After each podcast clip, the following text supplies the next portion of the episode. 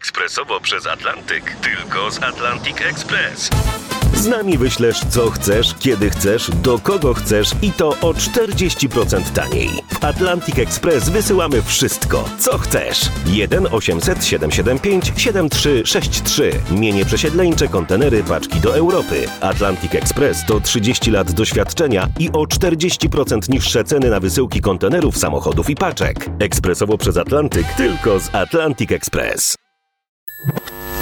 W ich samochodzie znaleziono telefony komórkowe, portfele i co najbardziej zastanawiające 32 tysiące dolarów, ale brak jakiegokolwiek śladu po rodzinie.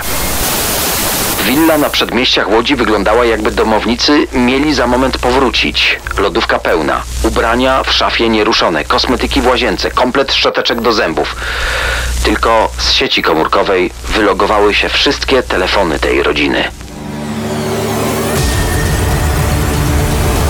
Sceny zbrodni w RMFFM. Daniel, Daniel, czekaj, coś mi tu nie pasuje. No jakiś za ładnie ubrany dzisiaj jesteś. Nie, nie, Ta- właśnie ty pasuje. koszulę zawsze miałeś wymiętą, a Ja tu taka pas- wyprasowana, że... To się człowiek dowiaduje w takim wyjątkowym dniu. To właśnie wszystko pasuje, proszę bardzo, do tego ciasta, kupne, żeby nie było, do tych napitków. To Ale z wszystko dzisiaj na... już przesadziłeś. To tylko dekoracja, to tylko dekoracja, bo spotykamy się po raz 20, by nagrać podcast Sceny zbrodni RMFFM. A skoro takie piękne jubileusze, no to takie uroczystości najlepiej spędza się w rodzinnym gronie. Żeby było jasne, po naszemu rodzinnym odcinek podcastu numer 20 Zaginięcia całych rodzin. Daniel Dyk i Kamil Barnowski prezentują Sceny zbrodni w RMFFM. Dzisiaj w scenach zbrodni wyjątkowo trudny temat. Jak wiecie, spotykamy się po raz 20 i z tej okazji y, chcemy przyjrzeć się najbardziej tajemniczym sprawom zaginięć. W dodatku zaginięć całych rodzin. I to są takie sprawy, że jednego dnia spotykają się ze znajomymi, przyjaciółmi, wyprawiają dzieci do szkoły, a drugiego ślad po nich ginie. Albo sąsiedzi postrzegają ich jako typową rodzinę, bez awantur, bez większych problemów, mąż nie pijący, żona wiele nie krzycząca, a dzień później mówi o nich cały kraj i to mówi coś zupełnie innego. I tutaj pytanie, jakie mroczne tajemnice towarzyszą tym zaginięciom? Zbrodnie, nieszczęśliwe wypadki, zbiegi okoliczności, a może zaplanowane w najdrobniejszych szczegółach ucieczki od dawnego życia? Zostańcie z nami już za moment. Starowa Góra pod Łodzią i pytanie wciąż aktualne. Co spotkało pięcioosobową rodzinę Bogdańskich? Absolutnie najbardziej zagadkowa sprawa w Polsce.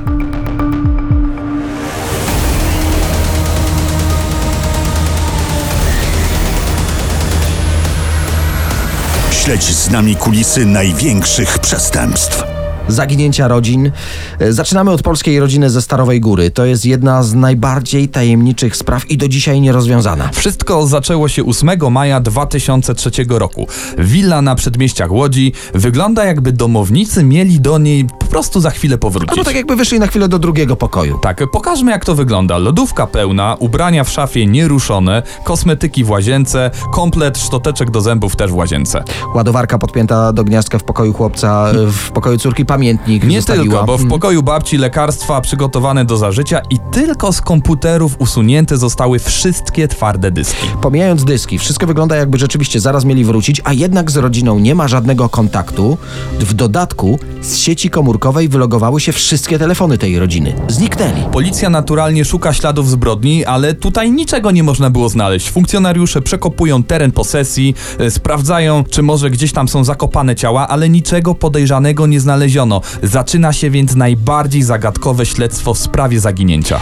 Krzysztof Bogdański ten dom wybudował na działce rodziców, mieszkał w nim wraz z żoną Bożeną, z dwójką dzieci, 16-letnia Małgorzata, 12-letni Jakub oraz z ich babcią Danusią. Utrzymywali się z prowadzenia firmy informatycznej, wtedy się pisało w papierach przedsiębiorstwo produkcyjno-wdrożeniowo-handlowe. Czyli, bo to musisz wytłumaczyć. Faktycznie sprzedawali części do komputerów, podzespoły, komponenty różne. No trafili na dobry czas, koniec XX wieku, wtedy wtedy komputer chciałby mieć każdy, więc firma no całkiem nieźle sobie radziła, a sam Krzysztof Bogdański to postać dość znana, bo regularnie bywał na stadionie ŁKS-u, gdzie wtedy odbywały się giełdy elektroniczne. Był pasjonatem komputerów rzeczywiście i elektroniki w ogóle. Podobno nazywano go w środowisku wynalazcą, bo nikt jak on nie potrafił sobie radzić ze zdejmowaniem blokad telefonów komórkowych. Kto dzisiaj pamięta, To że trzeba mówiło było? się na to zdejmowanie simlocków. Tak, handlował także pirackimi grami komputerowymi. Prawdopodobnie w ten sposób próbował ratować firmę. I firma bardzo dobrze sobie radziła, ale do czasu. W 2000 roku doszło w niej do włamania. Na szczęście dla nich byli ubezpieczeni i uzyskali 470 tysięcy złotych odszkodowania. No potężne pieniądze jak na tamte czasy. I co ciekawe, po tym jak zniknęli, na konto firmy wpłynęło jeszcze dodatkowe 100 tysięcy złotych z odsetek.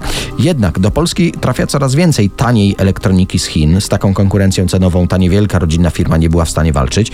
Zyski spadały, no a rodzina przyzwyczajona do dużych pieniędzy albo nie potrafi, albo nie chce rezygnować z życia na wysokim poziomie. Zaciągali więc kolejne kredyty, licząc, że kłopoty są przejściowe. Wszystko wskazuje na to, że po prostu wpadli w spiralę zadłużenia. I czy to długi, a mówi się nawet o milionie złotych zadłużenia, czy to właśnie one były przyczyną porwania, a może morderstwo, a może jeszcze ucieczka za granicę? Zostańcie z nami, za moment prześledzimy dla Was najbardziej prawdopodobne hipotezy w tej sprawie. To są sceny zbrodni w RMFFM. Obiecaliśmy powiedzieć o kilku najbardziej popularnych hipotezach. No to tak dla uporządkowania, przed zaginięciem rodziny Bogdańskich doszło do kilku sytuacji, które później zdecydowały o tropach, jakie podejmowała policja. Wiele z nich wiązało się z problemami finansowymi, mieli długi w kilku bankach. I to jest właśnie ciekawy wątek. Krzysztof Bogdański wpadł na pomysł z kontami, posiadał je w różnych bankach i często robił przelewy tych samych pieniędzy z konta na konto, z konta na konto. Ilość operacji sugerowała, że miał duże obroty i to dawało mu wiarygodność w bankach. Mógł liczyć na większe limity pożyczek, debetów. Ja nawet znalazłem taką informację, że y, w kilku bankach wziął kredyt pod zastaw jednego domu. Widocznie i to nie wystarczyło, bo zapożyczyli się również u swoich znajomych. Na tym nie koniec. Dodatkowo po zamknięciu firmy, po godzinach, Krzysztof Bogdański próbował swoich sił w handlu nieruchomościami. Od znajomego pożyczał pieniądze, kupował za to działki budowlane, sprzedawał z zyskiem i no właśnie, miał oddawać pożyczoną kwotę, ale termin minął. Znane są dzisiaj także fakty, że grał na giełdzie. Kilka komputerów w jego firmie stale śledziło kursy spółek i na tę działalność też pożyczał pieniądze, twierdząc, że je inwestuje w papierach. No pewny zysk i to jaki? No i właśnie od tego udziałowca dowiedzieliśmy się, że krótko przed zaginięciem miał wraz z rodziną wstąpić, uwaga, do sekty. Planował też wyjazd za granicę. Ale rozliczyć się postanowił. E, Temu udziałowcowi przed wyjazdem pozostawił kartę do swojego banku. Wielkie zyski z giełdy będą wpływały, można je regularnie wybierać. Udało się raz, kilka tysięcy, a później karta pokazała debet. Oczywiście policja zbadała wątek sekty, ślepa uliczka. No to kolejny wątek. 10 kwietnia Bogdańscy sprzedają swój samochód znajomemu, ale Krzysztof prosi, by mógł jeszcze kilka dni nim pojeździć, chce wyjechać z rodziną. Tak, Krzysztof oddał samochód nowemu, nowemu właścicielowi, ale ten zauważa, że auto jest uszkodzone, czy mogło dojść do jakiegoś wypadku albo innego zdarzenia, w którym zginęła rodzina Krzysztofa. Mam oczywiście w zanadrzu, bo jestem dobrze przygotowany kolejny trop. Tutaj Wielkanoc u przyjaciół w Niemczech. No tak, Krzysztof zadzwonił do kolegów swoich dzieci i prosił, by usprawiedliwić ich nieobecność na zajęciach, bo razem jadą na święta właśnie do przyjaciół za zachodnią granicą. To samo miał też powiedzieć rodzinie żony. Wielkanoc minęła, nie wrócili, więc naturalnie siostra Bożeny Bogdańskiej zadzwoniła do przyjaciółki z Niemiec i wtedy okazało się, że nie było ich tam w ogóle. Zawiadomiła więc oczywiście policję. Dodajmy, że wszyscy poza babcią Danusią mieli paszporty, a jednak i ten trop nie został przez policję potwierdzony. No to w takim razie kolejny wątek. Przed wyjazdem do e, Niemiec miał być Wrocław. Tak, to już czwarty wątek. Z niespodziewaną wizytą do Krzysztofa wpadł teść. Zastał pusty dom i mimo, że córka nie mówiła o żadnych planach wyjazdowych, zięć zapewnia, że jest wraz z dziećmi we Wrocławiu. Tak, bo żona ma w planach założenie firmy turystycznej, więc pojechała na szkolenie, wzięła ze sobą Małgosię i Kubusia, aby dzieciaki spędziły czas e, razem z nią w mieście, by po szkoleniu pozwiedzać okolice. No mija tydzień, Krzysztof widywany jest w Łodzi, a jego rodzina z tego Wrocławia nie przyjechała. I właśnie dlatego pod uwagę brano tak zwane rozszerzone samobójstwo. Mamy tutaj kłopoty finansowe, groźby ze strony wierzycieli, desperacja. Możemy sobie tylko wyobrazić, pod jaką presją był ten ojciec. Mógł postanowić targnąć się na swoje życie, wcześniej zamordować także najbliższych, a zwłoki ukrył. Jednak ten wątek uznano za mało prawdopodobny. Po latach nie natrafiono na ciało nikogo z tej piątki. Co więc, i tu ważne pytanie, trzeba je w końcu zadać, co więc uważa się za najbardziej prawdopodobne? Mamy dwie hipotezy, obie związane z wielkimi długami. Pierwsza, porwanie w celu wymuszenia zwrotu pieniędzy. Gdy okazało się, że bogdańscy nie mają z czego oddać, zamordowano ich dla tak zwanego przykładu. Bożena Bogdańska w czasie jej ostatniej rozmowy z siostrą powiedziała, że ma kłopoty, ale nie chciała mówić przez telefon. Miały się panie spotkać, e, gdy siostra jedzie do domu. Już nie zostaje w nim Bożeny. Druga z tych hipotez, zaplanowane przez samych bogdańskich zniknięcie i zaszycie się z wyłudzonymi pieniędzmi gdzieś na końcu świata. I tę tezę miałoby potwierdzać ustalenia policji, że Krzysztof Bogdański kilka miesięcy wcześniej szukał wśród znajomych dojścia do fałszywych dokumentów. Naturalnie na ten wątek najbardziej liczy rodzina, że w końcu bogdańscy dadzą o sobie znać, ale od 2003 roku żadnego telefonu, kartki pocztowej ani maila z wyjaśnieniami. Sprawa zaginięcia Bogdańskich to jest pięć opasłych tomów policyjnych akt, po 200-300 stron dokumentacji, raportów, każdy z tomów. Członkowie rodziny Bogdańskich wciąż są poszukiwani przez policję.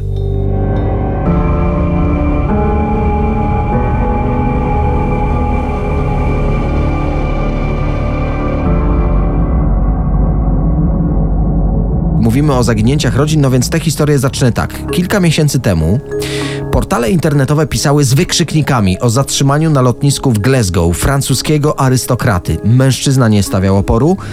Okazało się, że 8 lat wcześniej miał z zimną krwią zastrzelić żonę i czwórkę swoich dzieci. No ale Daniel, od początku musimy przecież wszystko wytłumaczyć naszym słuchaczom. Jest rok 2011, Xavier Dupont de Ligonnès ma 50 Że lat. co? Czy mógłbyś powtórzyć to dla nas? Xavier Dupont de Ligonnès. Oglądało się to państwa. Tour de France, prawda? Jego żona Agnes jest od niego dwa lata młodsza, mają czwórkę dzieci, odpowiednio 20-letni Artur, 18-letni Thomas, 16-letnia Anna i 13-letni Benoit i z nieznanych do dziś przyczyn arystokrata sięga po swój pistolet z tłumikiem. Tak, kolejny oddaje do każdej ze swoich najbliższych osób, to podkreślamy, po dwa strzały. Dwa strzały w głowę. Zabija precyzyjnie, zabija z zimną krwią. Prokuratura mówi wprost, to była egzekucja. Po wszystkim zanosi ciała do przydomowego ogródka, no i tam wykopał dla nich mogiłę. Śledztwo wykazało, że świetnie i precyzyjnie się do tego wszystkiego przygotował. Pięć miesięcy przed morderstwem rozpoczął treningi na strzelnicy w Nans. Dodatkowo w jego posiadłości policja znalazła rachunki na zakup tłumika. Były też rachunki y, na zakup specjalnego wózka na dwóch kołach, który później ułatwił mu transport ciał do ogrodu. Był też rachunek na zakup łopaty, a także na zakup wapna, którego użył do zakopania zwłok. Wyobrażam sobie, że y, miał taką listę, na której odznaczał po prostu, co jeszcze musi. No, wyjątkowo zaplanowana zbrodnia.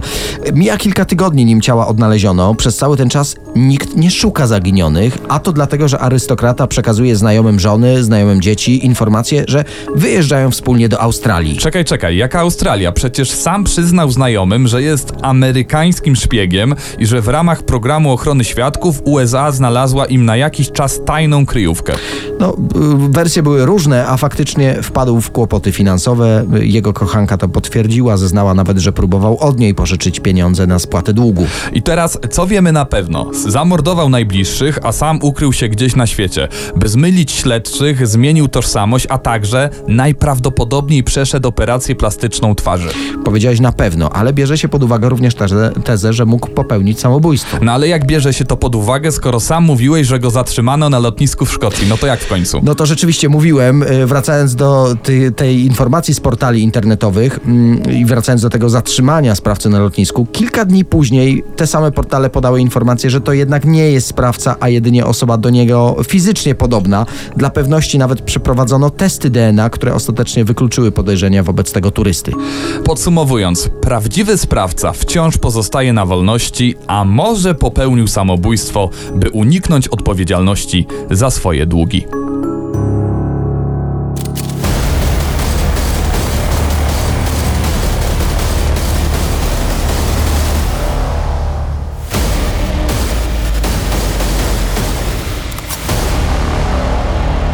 A ja mam teraz coś wyjątkowego w zanadrzu. Tajemnice rodziny Jemisonów. I w tej historii jest wszystko.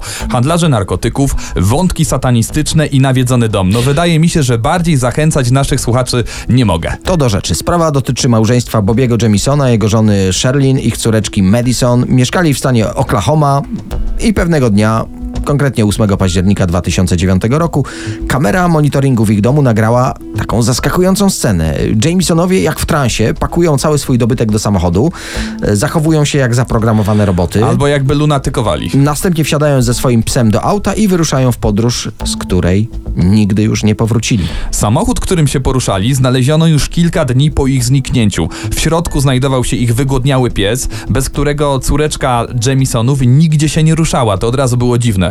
Oprócz tego znaleziono ich telefony komórkowe, portfele i co najbardziej zastanawiające, aż 32 tysiące dolarów, ale brak jakiegokolwiek śladu po rodzinie.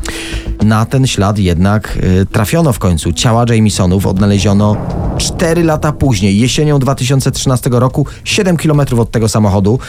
Na te rozkładające się zwłoki natrafiło dwóch myśliwych. Ale zwłoki już były w takim stanie, że niemożliwe było przeprowadzenie dokładnej sekcji. Wstępne w takim razie dochodzenie wykazało, że prawdopodobnie nie zaginęli z własnej woli.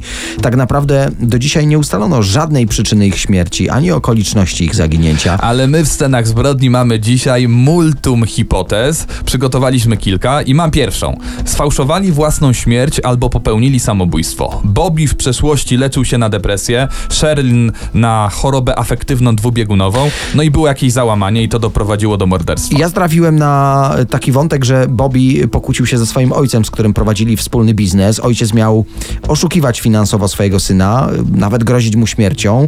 Rodzina Jamesonów twierdziła, że ojciec Bobiego ma kontakty z meksykańską mafią i to właśnie mafia jest odpowiedzialna za śmierć całej tej trójki. Tego wątku nie wyjaśniono, bo ojciec Bobiego zmarł dwa miesiące po ich zaginięciu. Ja mam też inną popularną teorię, że Bob Jamison handlował narkotykami i to wyjaśniałoby ich dziwne zachowanie podczas pakowania samochodu i 32 tysiące dolarów w samochodzie. Pytanie tylko, dlaczego nikt nie zabrał tej gotówki? Jest też wersja, w którą zaangażowane są siły nadprzyrodzone i takie wiem, że nasi słuchacze też bardzo lubią. Dom Jamesonów według powszechnej opinii był nawiedzony. Mm, Sami lokatorzy skarżyli się nawet pastorowi, że w domu widują duchy, prosili o jego poświęcenie, o egzorcyzmy. Córka Jamesonów miała nawet rozmawiać z istotami nie z tego świata. Właśnie przez nawiedzony dom, y, przez problemy z sąsiadami także, sąsiedzi, wyobraźcie sobie, mieli trucich koty, no chcieli się od dawna wyprowadzić, poszukiwali jakiejś działki pod zabudowę. Ale ty mówiłeś o duchach, ja mam coś więcej. Policja badała hipotezę, według której w śmierć rodziny zaangażowana jest jakaś satanistyczna sekta. Sherlin często ponoć żartowała, że jest czarownicą, w domu miała nawet Biblię szatana, no ale nie udało się niczego ustalić, więc ten wątek pozostawiono. Jest też teoria, do której też wielu pewnie będzie najbliżej. Rodzina natknęła się po prostu na pustkowiu na jakieś laboratorium metamfetaminy albo na jakieś porachunki mafii. Generalnie znaleźli się w niewłaściwym miejscu, o niewłaściwym czasie. Po prostu ktoś nie życzył sobie świadków. Sami słyszycie, mamy tutaj multum teorii, ale 10 lat po ich zaginięciu, pomimo zaangażowania FBI, nadal nie wiemy, co doprowadziło do śmierci całej rodziny Jamisonów.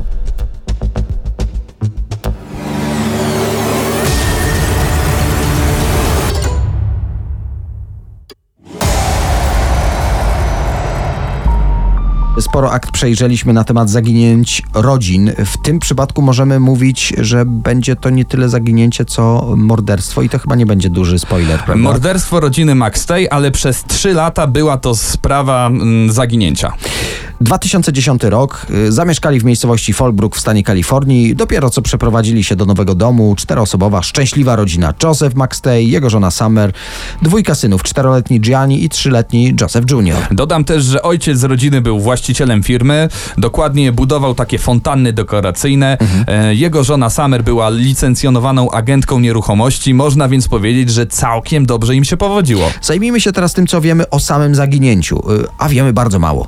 4 lutego 2010 roku, około godziny 20, monitoring jednego z ich y, sąsiadów skierowany na drogę zarejestrował no, dosłownie fragment przejeżdżającego samochodu, ale udało się zidentyfikować, że był to samochód należący do rodziny McStay. Niestety kamera była tak ustawiona, że nie złapała okien samochodu, dlatego nie było wiadomo kto i w jakim stanie znajduje się w aucie. Potem ustalono, że ktoś z numeru Josefa zadzwonił do jego współpracownika Chase'a Merita. Ten nie odebrał połączenia i to był ostatni sygnał ich życia. Oczywiście krewni próbowali się z nimi kontaktować na różne sposoby, ale bez rezultatu. Policja na prośbę rodziny przeszukała mieszkanie w Fallbrook. Po posesji biegały ich dwa psy. Na stole w kuchni leżało pudełko jajek. Na kanapie dwie miski popcornu. Tak jakby Żadnych... ktoś wyszedł nagle z domu. Właśnie, żadnych śladów walki. Wszystko wyglądało tak, jakby rodzina szybko się spakowała, wyjechała albo po prostu puh, zniknęła. Dodatkowo ustalono w trakcie śledztwa, że samochód, którym odjechała rodzina McStay, został odholowany z parkingu niedaleko granicy z Meksykiem. Dokładnie cztery dni po ich zniknięciu. Założono, że rodzina w tajemnicy przed wszystkimi wyjechała do Meksyku, żeby rozpocząć tam nowe życie. W historii wyszukiwarki komputera Summer McStay znaleziono nawet wyszukiwania dotyczące dokumentów potrzebnych do wyjazdu do Meksyku. Kupiła też online kurs do nauki hiszpańskiego. Więcej, kamera na przejściu granicznym z Meksykiem zarejestrowała nawet rodzinę bardzo podobną do McStayów, która pieszo przechodzi na meksykańską stronę. I tylko tutaj pytanie, po co mieli to robić? Nie poinformowali przecież o tym swojej rodziny, a z ich kont bankowych nie wybrano żadnej gotówki. Skąd więc mieli pieniądze na życie? Ta hipoteza moim zdaniem zupełnie się nie trzeba kupy. Była też inna mm, hipoteza, że przed kimś uciekali. Policja ustaliła, że Summer kilkakrotnie zmieniała swoją tożsamość. Była też starsza o 11 lat w przeciwieństwie do tego, co podawała powszechnie. Pojawiły się więc przypuszczenia, że to może ona, że ona zamordowała swoją rodzinę i ona uciekła z kraju. No naprawdę pomieszana historia. No nie możemy się więc dziwić, dlaczego tą sprawą żyły całe Stany. Prowadzono nawet kilka prywatnych śledztw, powstała nawet na ten temat książka. Ale cały czas pojawia się pytanie, w jaki sposób zaginęli i kto jest za to odpowiedzialny? W końcu, czy w tej sprawie zapadł jakiś wyrok? I o tym już za chwilę w scenach zbrodni w RMFFM.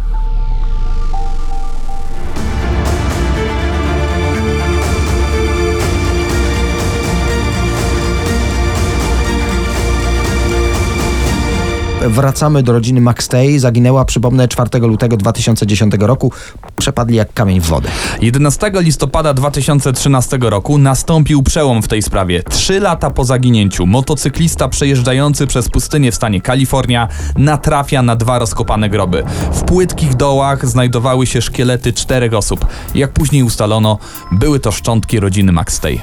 Policja ustaliła, że rodzina ponad wszelką wątpliwość została zamordowana. Cała czwórka zginęła od uderzenia ciężkim przedmiotem w głowę, prawdopodobnie młotkiem. Śledczy byli przekonani, że do morderstwa doszło jeszcze w domu McStayów, a ciała zostały wywiezione i ukryte na pustyni. Od razu po odnalezieniu szczątków wyszły na jaw wszystkie błędy w śledztwie. Źle zabezpieczone ślady, bagatelizowanie sprawy, kurczowo trzymanie się wersji, że rodzina McStay pojechała do Meksyku, mimo zapewnień bliskich, że jest to do nich absolutnie niepodobne. Podejrzanym zbiorowego zabójstwa w pierwszej kolejności okazał się Chase Merritt, wspólnik w interesach Josepha McStaya. I To człowiek ten- od tego nieodebranego o, telefonu. To, to. E, Mało tego, to była ostatnia osoba, która miała z nim kontakt. Miał też się przyznać, że w dniu zaginięcia rodziny rozmawiał z Josephem ponad godzinę. Sugerował śledczym, że Summer miała napady agresji, Joseph, że cierpiał na jakąś tajemniczą chorobę. Merritt był już wcześniej skazany za włamanie, za kradzież sprzętu spawalniczego o wartości 32 tysięcy dolarów. Ale w międzyczasie pojawił się też inny trop, że odpowiedzialnym za morderstwo może być były chłopak Summer, który miał mieć na jej punkcie obsesję i dlatego zamordował całą jej rodzinę. Z perspektywy czasu możemy stwierdzić, że Chase Merritt mistrzowsko, y, celowo zbijał śledczych z tropu, mieszał strasznie. W listopadzie 2014 roku po przebadaniu próbek z samochodu rodziny McStay znaleziono ślady DNA należące właśnie do niego. Wspólnik w interesach Josefa został oskarżony o cztery morderstwa, także o gwałt. Śledczy uważają, że narzędziem zbrodni był młot Kowalski. Ofiary najprawdopodobniej były torturowane przed ich śmiercią. Według prokuratury Chase zabił rodzinę dla korzyści finansowych i tutaj mówi się o 30 tysiącach długu u Josepha. Dodatkowo z rachunku finansowego Josefa w dniu zaginięcia rodziny wybrał 21 tysięcy dolarów, no a następnie życie. Przegrał większość pieniędzy w kasynie. Śledztwo trwało ponad 6 lat, bo Merit grał na czas. No, wielokrotnie zwalniał swoich adwokatów, różnego rodzaju triki i sztuczki procesowe. Nawet e, sam przez pewien czas próbował się reprezentować przed sądem, ale dosłownie miesiąc temu, 22 stycznia, 10 lat po zniknięciu rodziny McStay, Chase Merritt został skazany na śmierć. Po ogłoszeniu wyroku rozpłakał się. W swoim oświadczeniu po wyroku przekonywał, że pewnego dnia udowodni swoją niewinność. Chase Merritt został przeniesiony do więzienia stanowego w San Quentin. Będzie tam przebywał, dopóki nie zostanie wyznaczona data jego egzekucji. Płatni zabójcy, seryjni mordercy i sceny zbrodni w RMFFM. No ale mówiłem ci, że nie przynoś szarlotki, bo zasłodzisz i teraz już po prostu nie wiem, jak to mam W markecie wyrównać. na półce bardzo ładnie wyglądała, do tego proponuję ci gorzką kawę. Nie, nie, może nie, lepiej no, nie. no wtedy już będzie tętno Nie. 133, no ci już nie zasnę. jakiś talent, żeby nam podnosić ciśnienie, ci, o których y, zazwyczaj mówimy w scenach zbrodni. 20 odcinek. Już Brzmi za nami. dumnie. Brzmi dumnie. Czy udało nam się nagrać jeszcze kolejnych 20? To jest pytanie. Możecie to sprawdzić już teraz na y, wszystkich tych stronach i aplikacjach podcastowych. Ale pamiętajcie, że jesteśmy od niedawna na YouTubie i tam można zobaczyć, no trochę naszej radiowej kuchni, zobaczyć nasze studio, jak to wszystko powstaje. Mm, Zapewniam, że w radiowej kuchni nie ma szarlotki, ale rzeczywiście radiowe studio jest. Y, Polecamy mm, się także waszym subom, y, polecamy się lajkom na social mediach, no i polecamy się na, także na tych wszystkich aplikacjach podcastowych. A my wrócimy do Was już za tydzień, no może mniej eleganccy. Daniel Dyk i Kamil Barnowski prezentują Sceny zbrodni w RMFFM.